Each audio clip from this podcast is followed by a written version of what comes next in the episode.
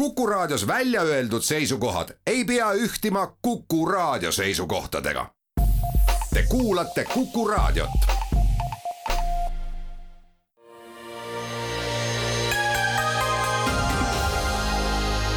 poliitikakuru, kui sina ei tegele poliitikaga, tegeleb poliitika sinuga. poliitikakuru tervist, valimisteni on jäänud äh, veel napilt kolmkümmend seitse päeva ja selge see, et ka tänases saates me äh, valimisteemadest ei pääse ei üle ega ümber ja seekord löövad saates kaasa investor Kristi Saare. tere, tere!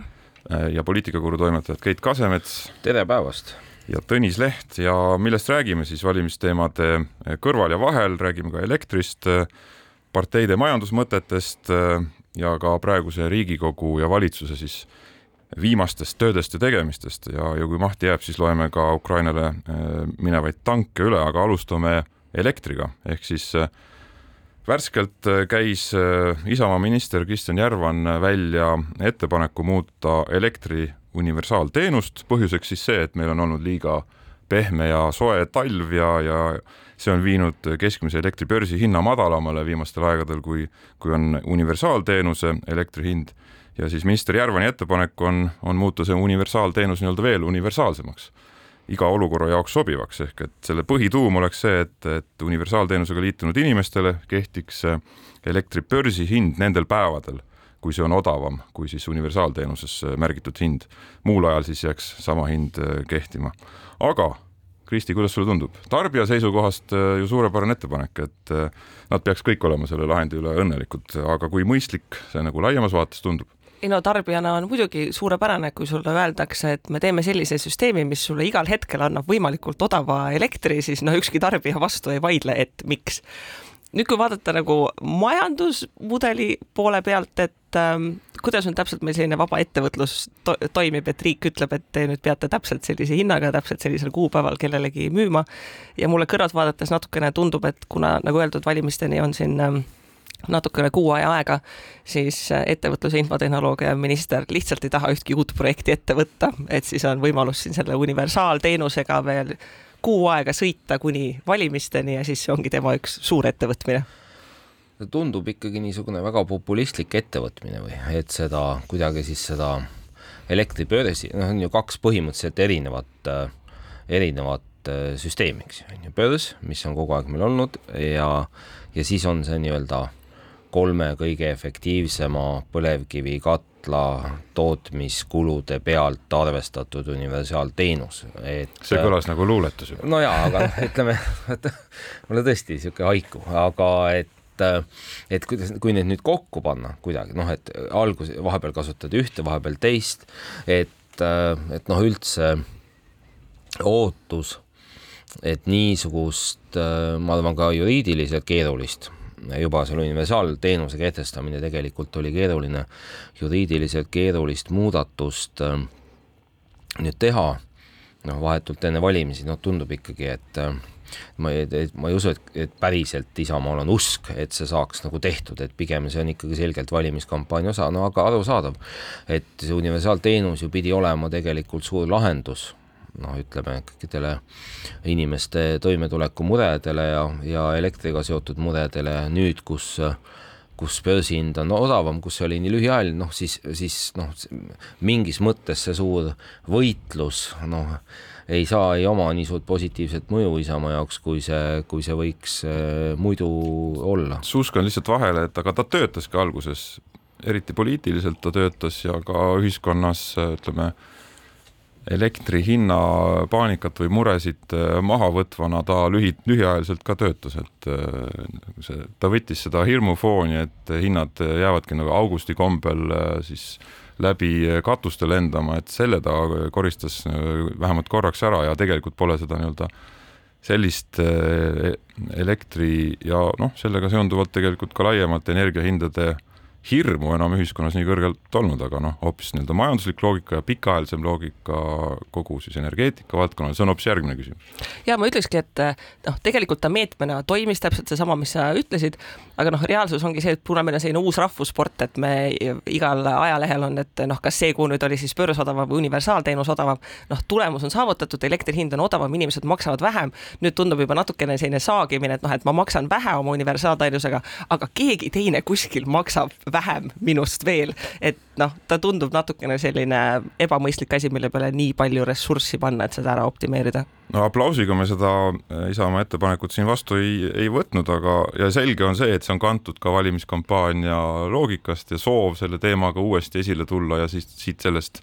sellest äh, lehmast pisut veel äh, nii-öelda toetust lüpsta on täiesti noh, poliittehnoloogiliselt väga arusaadav, aga see annab meile ajendi lühidalt arutada, et mida siis teha selle universaalteenuse äh, tulevikuga, see peaks kehtima veel ikkagi kaks-kolm aastat ja, ja kuidas ta peaks edaspidi suhestuma börsiga, et eks seal see keskne häda on ju olnud see, et mida ka kriitikud on ette heitnud, neid on seal mitmeid, aga üks on see, et, et ta ei, hetkel ei soosi universaalteenust siis äh, elektrisäästu tarbijatel äh, tipuhetkedel või üldse ja noh, teiseks, et ta on just, põhineb just põlevkivienergia tootmisel no probleem ongi see, et noh, see, see, et mis probleemi me lahendame, me ei lahenda seda alusprobleemi, et noh, põhjus, miks elektri hind on kallis, ongi see, et meil on kallis tootmine ja seda elektrit ei ole noh, lihtsustatult piisavalt. et äh, kui meil oleks parem varustatus elektrienergiaga, siis noh, nõudluspakkumine hakkaks ka seda hinda juba mõjutama. et praegu see lükkab seda probleemi natukene tulevikku edasi, et lihtsalt teeme süsteemi, et hind on odav, aga see all olevaid probleeme tegelikkuses ju ei lahenda ja jääb üle ainult nõustuda, nõustuda sellega, et eks see universaalteenus nüüd kehtibki, kehtibki edasi, lihtsalt äh, küsimus on selles, et mis need äh, arengud turul saavad edasi olema ja, ja et kui palju inimesed seda kasutavad, mis on jah, ma arvan, kuhu sa sihtisid, Tõnis, oma küsimusega, oli ka see, et me ei peaks rääkima ainult universaalteenusest või see, mida ka tegelikult Kristi ütles, vaid peaks rääkima nendest teistest eh, elektrituru probleemidest eh, ka rohkem ja võib-olla just ennekõike Isamaa erakonnale see on see on kõige sümptomaatilisem, et nemad taastuvenergia arendamisest, sellest nüüd ülemäära palju ei taha rääkida, et, et pigem näevadki ju seda tulevikku põlevkivienergeetikas, et noh, siis nagu see universaalteenus nagu sobiks, eks ju. no mul on nende programm ees, siin on kaunis lause, viib Eesti elektrivarustuse hiljemalt kahe tuhande kolmekümnendaks aastaks täielikult üle kodumaisele elektrile. mis on ka põlevkivi ja.. jah. aga meil on tegelikult ju äh siin tänases saates jah, selline üks läbiv niit, äh, see, et mida siis veel praegune valitsus ja koalitsioon äh, ka Riigikogus võiks suuta ära teha, tundub, et äh, universaalteenuse siis putitamise plaan ähm, sai koalitsioonipartneritelt kiire tagasi, tagasilükkamise ehk et seda Isamaa teemat võivad nad nii-öelda ise edasi meedias promoda, aga, aga valitsus seda reaalselt tegema ei hakka, noh kasu sellest on Isamaale valimiste kontekstis ikkagi aga suurt äh, nii-öelda muutust tulemas ei ole, samas võib-olla natuke sarnane teema on olnud ka siis äh, Reformierakonna poolt kõige enam siin elektri, äh, elektrienergia, elektrivarustusvaldkonnas surutud teema ehk siis Elektrilevi lahutamine Eesti Energiast, et siin ka eelmises, eelmisel nädalal avaldati KPMG pikem mõjuanalüüs, et mida taoline samm võiks endaga kaasa tuua.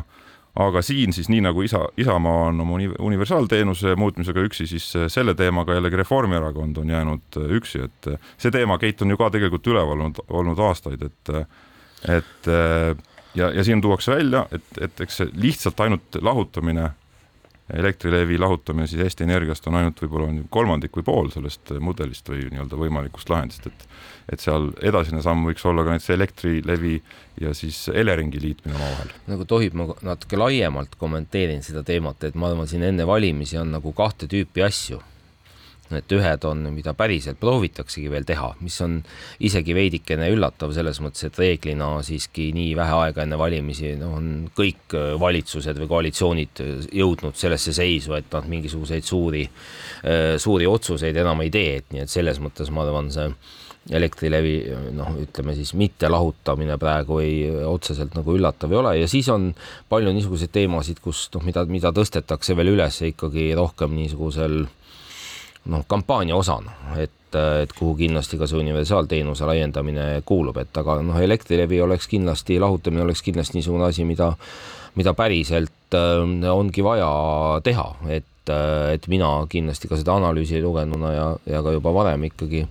ikkagi selgelt äh, kuulunud nende sekka, kes, kes, kes arvavad, et kindlasti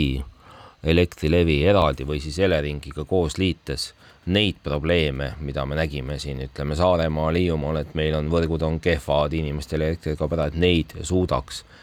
paremini lahendada ja ka ise äh, saada sellele paremat rahastust, kui seda Eesti Energia kontserni osana. ma ütleks pigem see probleem on selles, et Elektrilevi eraldamine on probleem just Eesti Energiale, seda on proovitud näidata nagu teistpidi, et Elektrilevi kuidagi ise ei saaks hakkama. aga pigem on see probleem ju vastupidine, et äh, Elektrilevi, mis on püsiva sissetulekuga,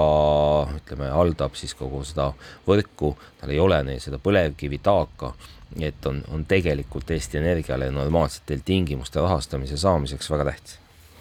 ja täpselt, et äh, selliste väga suurte kontsernidega ongi see probleem, et küsimus, et kes mille eest vastutab ja kus on probleemid. et siit noh, analüüsist on väga selgelt ka välja töödud, et noh, probleem tegelikult on selles, et seesama Enefit Power, kes siis äh, põlevkivist elektrit toodab, et ta ei ole tänapäeva maailmas enam lihtsalt finantseeritav. et noh, me teame seda, et noh, kõik pangad, suurettevõtted, organisatsioonid, kes, äh, kes laenurahastust annavad, meil on igasugused ESG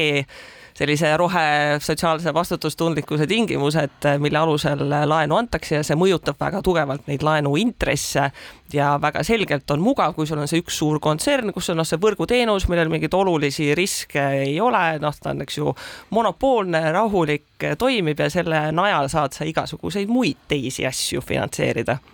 nüüd, kui reaalselt see tükkideks jagamine ära teha, siis äkitselt äh, me avastame, et ahah, see must lammas, et kuskil toodame põlevkivist elektrit ja see tänapäeva maailmas enam väga okei okay ei ole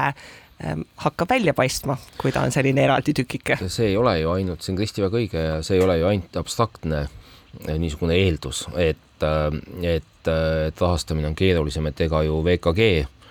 teine siis Eesti ettevõte, kes siin põlevkiviga toimetab, põlevkiviõli toodab, ega nad ilmaasjata ei lahuta nüüd oma ettevõtteid ja erinevaid investeeringuid täpselt samal põhjusel, nad saavadki aru, et nagu selle põlevkiviga noh, reaalselt nad, nad äh, headel tingimustel oma teistesse projektidesse lihtsalt raha kaasata ei suuda, ei mingite finantsinstrumentidega ega ka,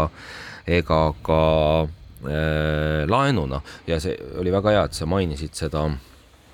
seda Isamaa lubadust kodumaisele elektrile äh, siis nii-öelda toota siis äh, kodumaisest elektrist, et, et kui see ei ole taastuvenergia, eks ka seda tegelikult tuleks siis inimestele ausalt välja öelda, et see põlevkivi tootmist arendada või isegi säilitada, noh, reaalselt on ikkagi ainult siis võimalik nii, et riik ise võtab laenu meie kui maksumaksjad ja siis ütleme siis äh, kapitaliseerib äh, Eesti Energiat äh, eraldi. Ja eks siis meie, meie maksumaksjatena siis maksame neid, maksame neid intresse no see täpselt ongi see meie kui maksumaksjad, et kui riik maksumaksjatelt otse küsiks, et millist elektri tootmist sina tahaksid oma maksurahast finantseerida, siis ma kahtlen, et oleks väga palju inimesi, kes ütleksid, et jah, hurraa, põlevkivist elektri tootmine on just täpselt see, mida võiks teha. ma millegipärast arvan, et enamik inimesi ikkagi arvaksid, et võiks midagi jätkusuutlikumat ja tänapäevasemat välja mõelda jah, aga eks Eesti Energia ise ka on näinud seda, et nad siiski lõputult põlevkivist ei kavatse või ei soovi elektrit toota, aga noh, selle ülemineku tegemine ilma Elektrilevita finantsiliselt on neile tõenäoliselt tõesti keerulisem, aga teeme siinkohal väikse pausi.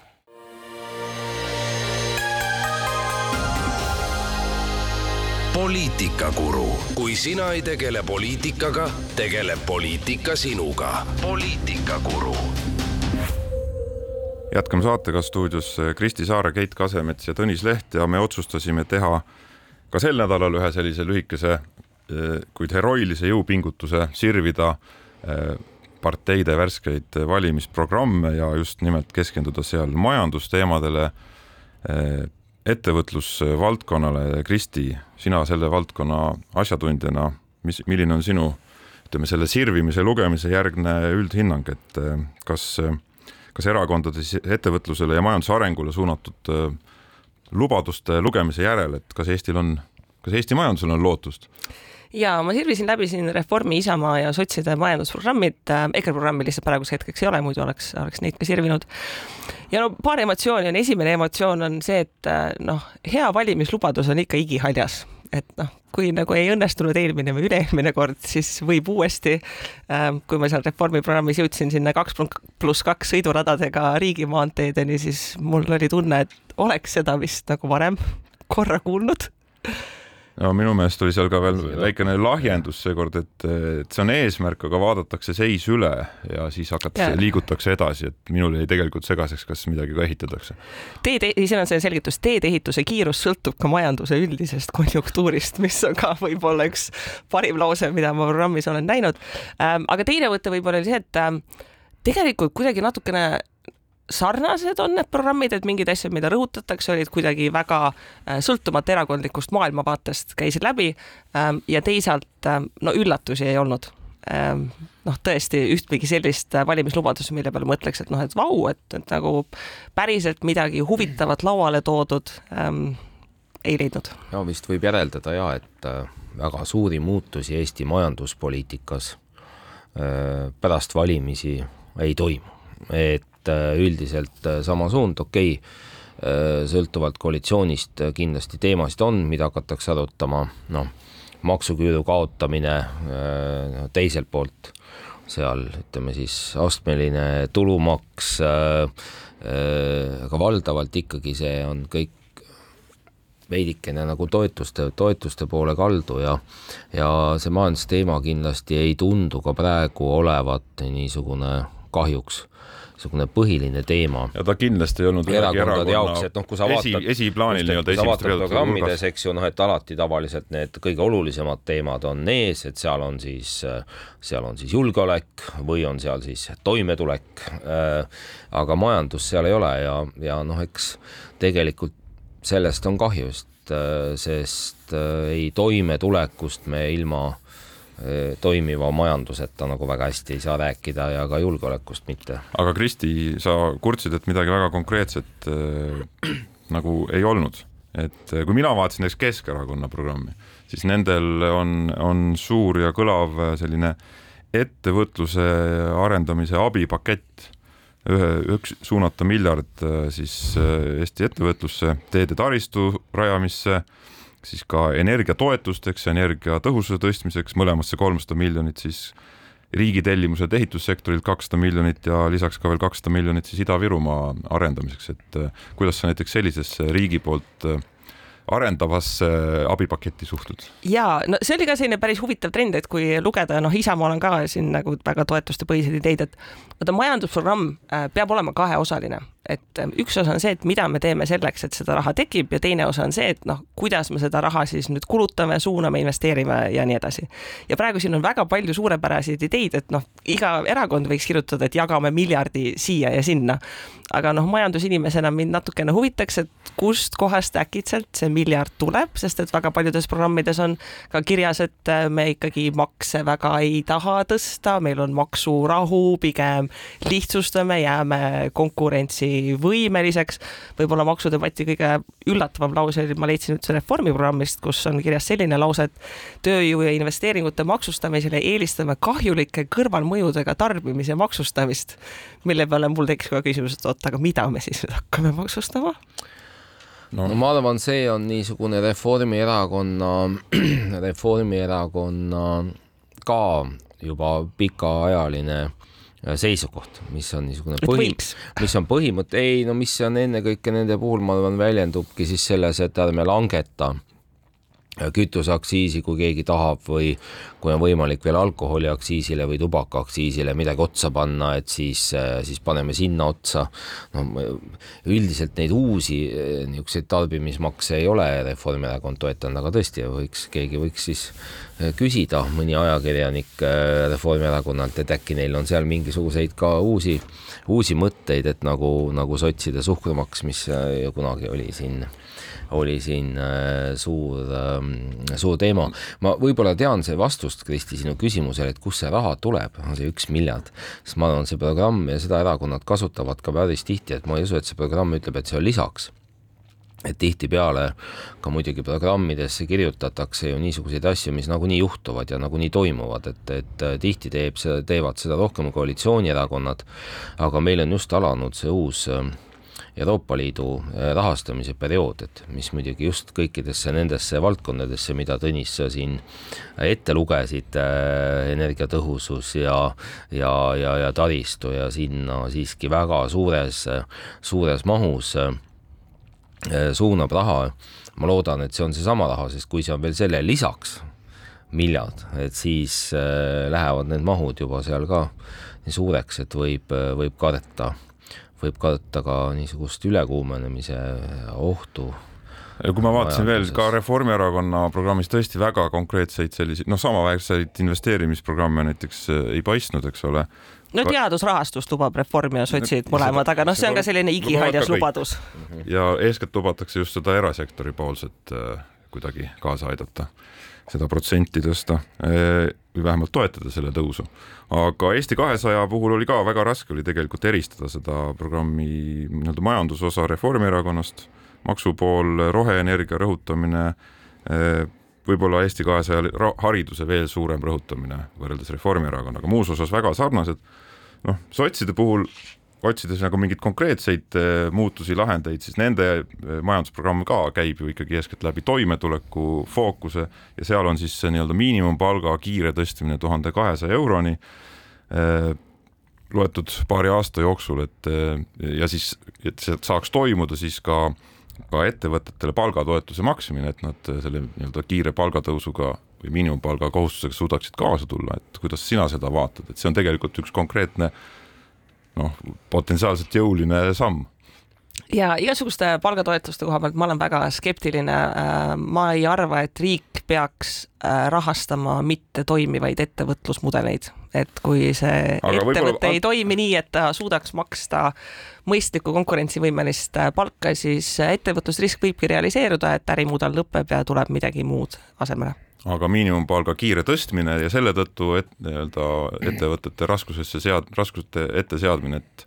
ja aga miinimumpalga tõstmine, ta ei ole tavaliselt selline ennakindikaator, vaid ta tuleb tagantjärgi, et me vaatame ikkagi seda, majandusel läheb hästi, keskmine palk tõuseb ja kui keskmine palk läheb liialt eest ära, siis hakkab see, et okei okay,, aga tõstame nüüd seda miinimumpalka järgi. et noh, reaalsus ei ole ju, et Eestis ülisuur hulk inimesi saaksid miinimumpalga lähedast palka ja see tõstmine seda meeletult nagu mõjutaks. Ähm, et pigem noh, see, see majandusprogrammi idee peaks ikkagi olema see, et ettevõtted on tugevad, suudavad raha teenida, majandus kasvab kasvab ja palgad lihtsalt tulevadki järgi, kui riigil läheb majanduslikult no, hästi. absoluutselt,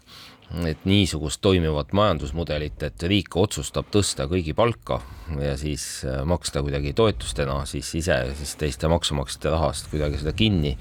et niisuguseid edukaid näiteid maailmas äh, siiski ei ole, et, äh, et et eh, nii et see osa on sellest programmist on muidugi küsitav, et miinimumpalga puhul muidugi Eestis on ka veel nii, et et valitsus seda tegelikult ju ei otsusta, et miinimumpalk Eestis lepitakse kokku siis ametiühingute ja ettevõtjate siis eh, ja läbirääkimistel, noh, mida siis minister kinnitab lihtsalt, et eh, et jah, ma Kristiga sada protsenti siin nõus, et rohkem ootaks või tahaks näha programmides seda, et kus see Eesti majandus siis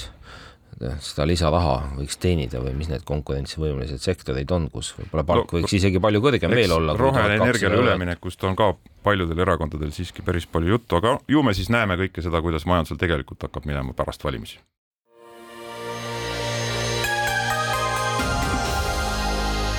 poliitikakuru, kui sina ei tegele poliitikaga, tegeleb poliitika sinuga. poliitikakuru jätkame saatega. Stuudios Keit Kasemets, Kristi Saare ja Tõnis Leht ja proovime veel nüüd äh, vaadata otsa sellele, mida äh, võiks äh, meil veel istuv valitsus ja toimetav Riigikogu järele jäänud nädalate jooksul ära suuta teha, kuigi seda teemat siin nüüd jätkates tuleb kohe põigata sinna, et põhiliselt avalikkuse silmis läheb muidugi aur ikkagi kampaanialikus võtmes üksteisega ragistamise peale võttes siin kohe ühe, ühe näite äh, sellest nädalast, näit-, täpsemalt on siis kerinud sotside ja, ja Isamaa vahel siin eeskätt selline sõnavahetus selle peale, kui, kui sotside juht ja siseminister Lauri Läänemets andis eelmine, eelmine nädal venekeelsele Delfile intervjuu, kus ta siis muuhulgas rääkis ja põhjendas ka Narva tanki eemaldamist venekeelsele lugejale, aga edasi arendas ta ka mõtet, justkui oleks kõik venelased siis Isamaa, Eesti Konservatiivse Rahvaerakonna ja võib-olla ka reformierakondlaste silmis halvad ja just seetõttu on sotsiaaldemokraatide rolliks olla siis kujundlikus võtmes see, kes hoiab ära venelaste peksmise selline siis selline kujundlik mõte on sel nädalal pälvinud eriti Isamaa juhtfiguuride suust kõva kõva kriitikat. Reinsalu nimetas intervjuud lausa ütleme rõvedaks ja rahvusvahel, rahvustevahelise vaenu õhutamiseks valimiste kontekstis ja, ja on, on kritiseerinud ka Narva linnapead Kristi Raiki, et, et Narva aitab Vene kodanikel siis dokumentide vahetamise teemal siis Venemaaga suhtlust seal kommunaaltasandil arendada. aga Keit, kuidas sulle tundub, et kas selline see, selline, ütleme, piikide murdmine, millist pilti see näitab valitsuse ko koostöövõime kohta ja, ja kas, kas me näeme ka siit midagi tähenduslikku sotside tegevuses äh, venelaste suunal? jaa, kindlasti näeme tähenduslikku siin sotside tegevuses, et ähm, see võitlus vene valija pärast, venekeelse valija pärast äh, nendel valimistel on hästi keeruline, palju keerulisem, kui see on olnud äh, varem, sellesama Venemaa poolt alustatud äh, sõja tõttu ja, ja sotside seis, eriti Ida-Virumaal, pärast ka tõesti siis sellesama tanki eemaldamist ja pärast seda, kui Katri Raik ise ei kandideeri äh, valimistel, noh, keeruline, sotsid on alati proovinud siiski noh, ka Vene valijat kõnetada. Noh, ilma suurema eduta, oleme, oleme ausad, ka erinevatel valimistel, eks see on katse Äh, katse seda kuidagi anda Vene valijale sõnumit ja see olukord on lihtsalt nii pingeline sellel, sellel teemal praegu, noh, et, et see on hea näide ka, et kui sa kuskil midagi ütled, see kohe korjatakse ülesse ja sotside, pigem sotsidele see teatud määral võib olla ka kahjulik, et no EKRE ajab ju seda juttu kogu aeg, eks ju, palju, palju hullemas äh, võtmes veel, et see kuidagi noh, ei ole nagu nii palju, äh, nii palju pilti ei jõua, see on üks kommentaar, teine, et mis seda valitsuse töövõimet puudutab, siis noh, ma seda nüüd ei näeks küll nii traagiliselt, et, et mina äh, ütleks, et nähe, vaadates nüüd juba väga paljusid erinevaid valimisi, et siis siis praegune valitsus toimib isegi üllatavalt äh, hästi, et äh, ja üldse, kui vaadata tervet seda valitsemisperioodi, et ju hästi palju oli seda noh, ütleme juttu, ma isegi mõtlesin, et see Reformierakonna keskvalitsus praktiliselt ei toiminud üldse, et ega see noh, seal on Isamaa ja sotsid ja kõik nad, keeruline oli seda kokku panna, Isamaa ja sotsid on ju alati olnud juba varasemates valitsustes omavahel kogu aeg kakelnud, et ega sellest mingit head nahka ei tule, siis noh, laias plaanis on ju noh, kõik niisugused olulised otsused ära tehtud, ma arvan, praegu me ikkagi näeme ju niisuguste noh, detailide üle seda, seda kemplemist ja noh, niisugust seisu, et kuidagi kõik oleks nagu teineteisega radikaalselt tülis, et ma ei oska, ma ei oska tegelikult näha, et pigem on niisugused valimiskampaania võbelused. Ja ma võin ka teha väikese ajaloolise meenutuse, et äh, sotsid ja Isamaa ju olid koalitsioonis äh, ka enne eelmisi valimisi ja toona oli siis peaministripartei küll äh, Ratase Keskerakond, aga ka siis vahetult enne valimisi, paar, mõned kuud enne valimisi, paar kuud läksid ju Isamaa ja sotsid nagu päriselt korralikult raksu, et praegused äh, naginad on ikkagi tillukesed, et, et. sealt siis... hakkaski hääli ära kukkuma, lõpuks Jüri Ratase valitsus lõpetas ju vähemusvalitsusena, ma mäletan veel Jüri Ratase, sa praegu niimoodi äratasid niisuguseid mälestusi, et äh, Jüri Ratase kabineti ülem oli ju siis Tanel Kiik ja siis mingil üritusel nägin teda kuskil kuu aega enne valimist vangus peal, proovime kuidagi nüüd vastu, vastu pidada selle, selle olukorra, et see oli Kesk-Isamaa ja sotside, sotside valitsus, jah, ja, ja toona oli sisuliselt, mindi juba peaaegu, valitsus oli laiali minemas. Ja see tont, mis tuli, see oli ränderaamistik, võib-olla me enam ei mäleta, mäletagi, aga oli selline asi nagu ÜRO ränderaamistik, Marrakechi pakt ja mida iganes selle kohta veel siis neid karmi paljude R-idega sõnu kasutati, et Eh, jah, selle ümber vaidlemine ajas pinged üles eks see paratamatult ongi see, et valimiste lähenemisel igast sellisest sõnavääratusest või sõnastusvääratusest haaratakse kinni, visatakse meediasse midagi dramaatilist ja noh, mõnikord lihtsalt korjatakse üles ja mõnikord ei korjata, et noh, see on selline tüüpiline kalastamine, mis käib selle kampaania tegemise juures. aga sotsidele on tegelikult muidugi Vene valija ka oluline,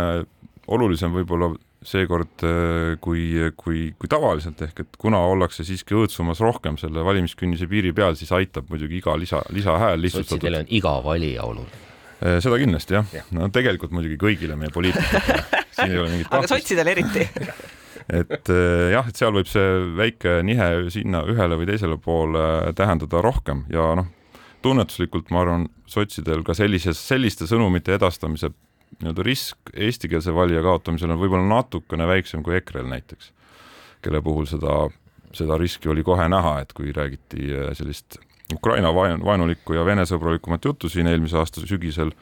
sõja kontekstis, et siis venelaste, venekeelse valija toetus tõusis, eestikeelse valija to-, äh, toetus tegi kohe samasuguse jõnksu alla mõneks hetkeks. aga vaatame veel, mis meil siis torus on, et Keit, sina arvasid, et et on veel nii-öelda, valitsusel on seda, esiteks on palju ära tehtud, mida on lubatud, mis on tõsi, äh, aga et on, on seda koostöövalmidust veel järel, et äh, üks äh, valimistega küll ka päris otseselt seotud teema on, tehniliselt mõttes otseselt seotud teema on siis erakondade rahastamise järelevalve komisjoni ehk siis ERJK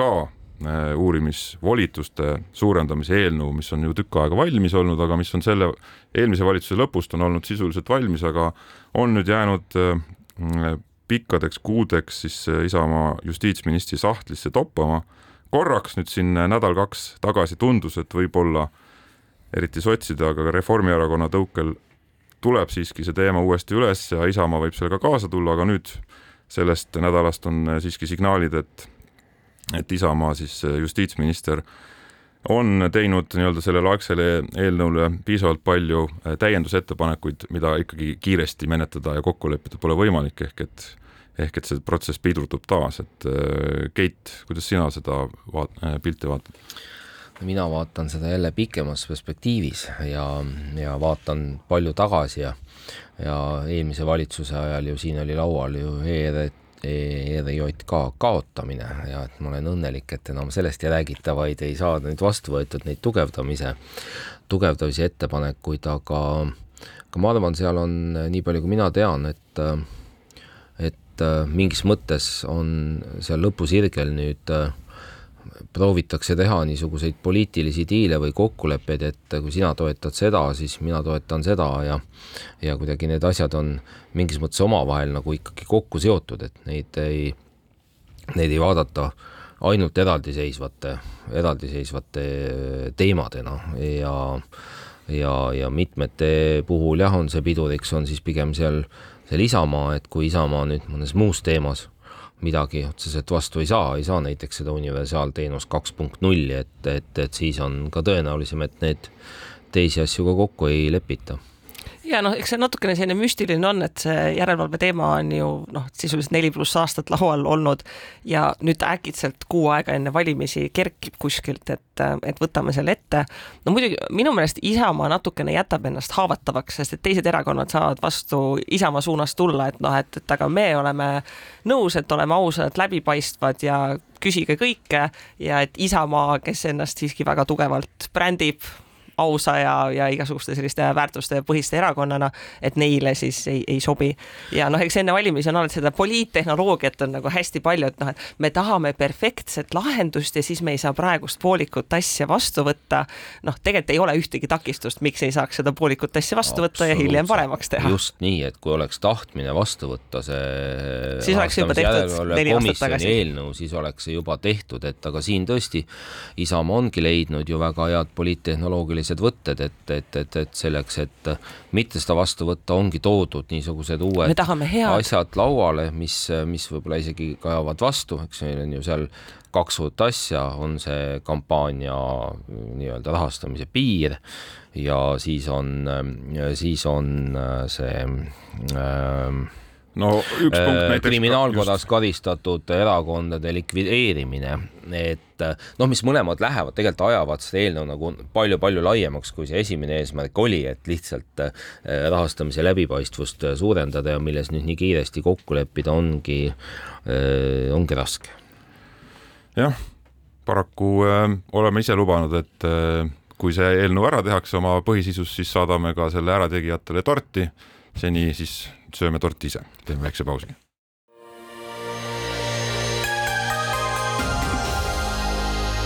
poliitikakuru, kui sina ei tegele poliitikaga, tegeleb poliitika sinuga. poliitikakuru jätkame saatega Kristi Saare, Keit Kasemets ja Tõnis Leht ja oleme käinud üle neid teemasid, mis veel siin äh, istuva valitsuse ja toimetava Riigikogu äh, volituste ajal võiks saada tehtud ja mis kindla-, noh, suuremaid ja poliitilisemaid ja ka võib-olla suurema praktilise tähendusega teemasid, millel kindlasti ka on oma mõju äh, valimistele. no üks teema, mis on, evib endiselt veel lootust, et, et saab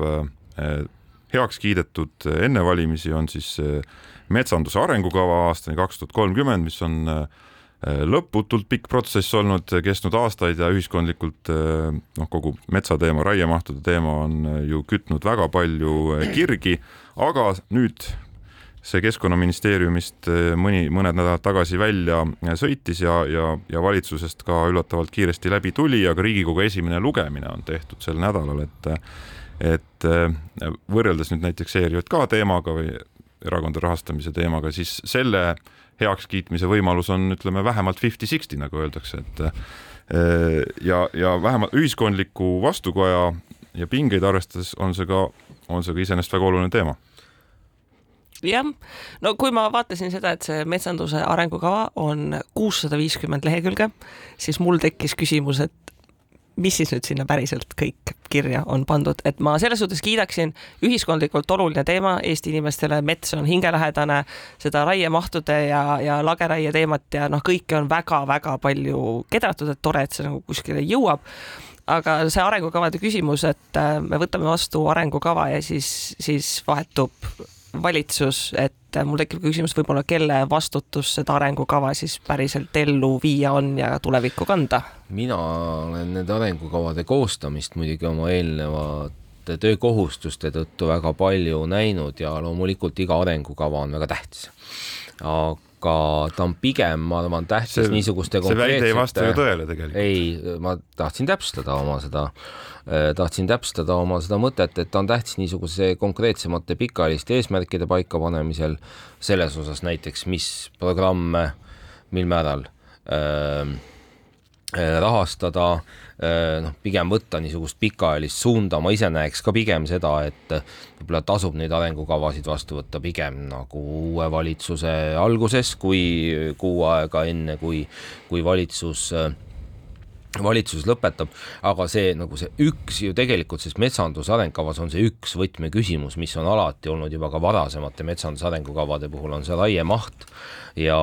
no lõpuks ükskõik, mis number on seal selles metsanduse arengukavas, on ta mingis mõttes ikkagi niisugune mittesiduv ja, ja, ja soovituslik, et praktilisi otsuseid raiemahu osas on võimalik teha, punkt üks, andes riigil RMK-le omanikuna, omanikuna väga konkreetsed suunised, mitte näiteks võtta nii palju dividende ja raiuda metsa vähem ja üldse RMK-le anda teistsuguseid ülesandeid, metsa väärtustamist, kõike niisugust, ütleme, see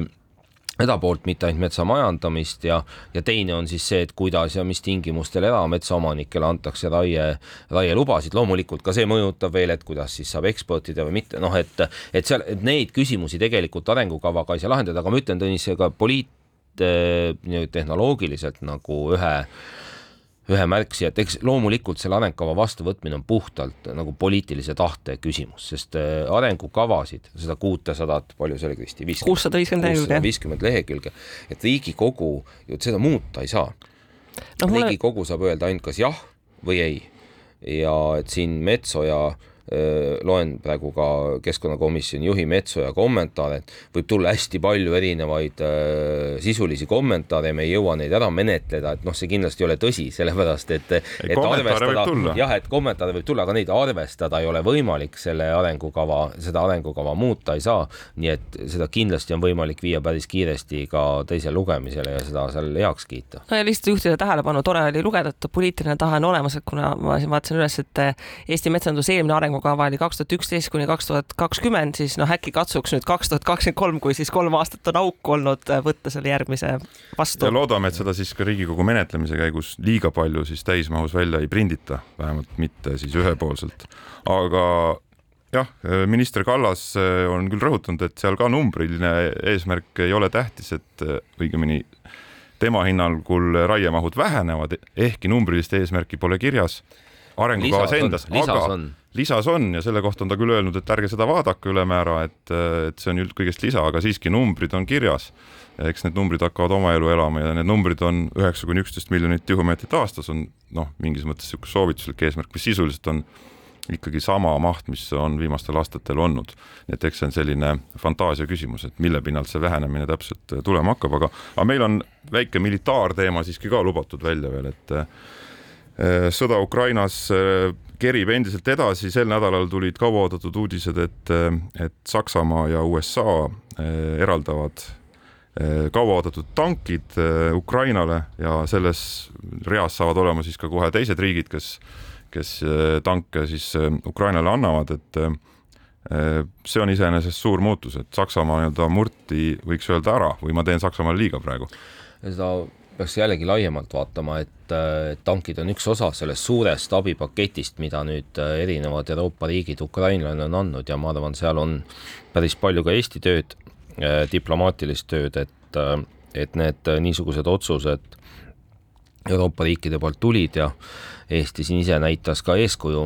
äh, siis üks protsent SKP-st oli siis äh, Eesti, Eesti relvade Ukrainale andmise maht, et mida ma siin muidugi tahaksin rõhutada, et et sellest enamuse tegelikult katab või maksab kinni hiljem Euroopa Liit, et no lootuses, et Ungari blokeering ei kesta liiga kaua. midagi ei äh, otseselt maksma ei lähe, aga ma arvan, see on ka nagu valimiskampaania kontekstis väga oluline samm ja oluline, oluline sõnum ja eks sellele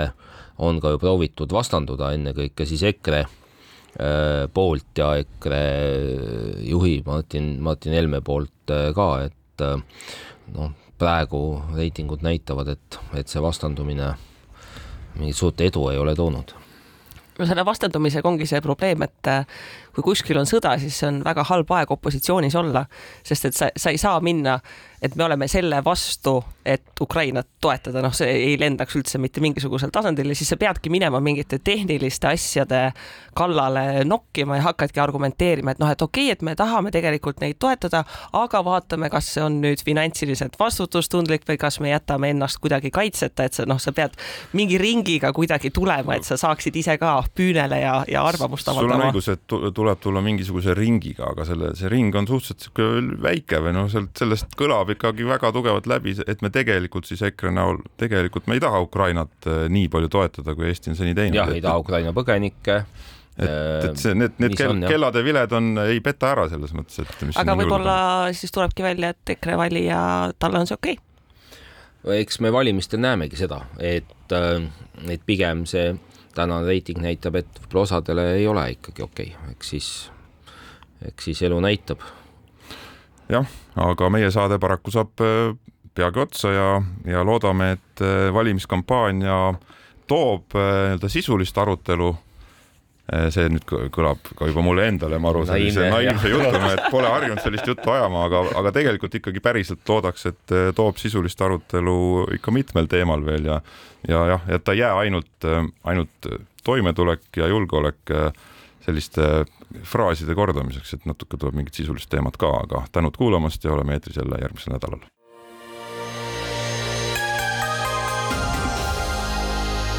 Poliitikakuru, kui sina ei tegele poliitikaga, tegeleb poliitika sinuga. poliitikakuru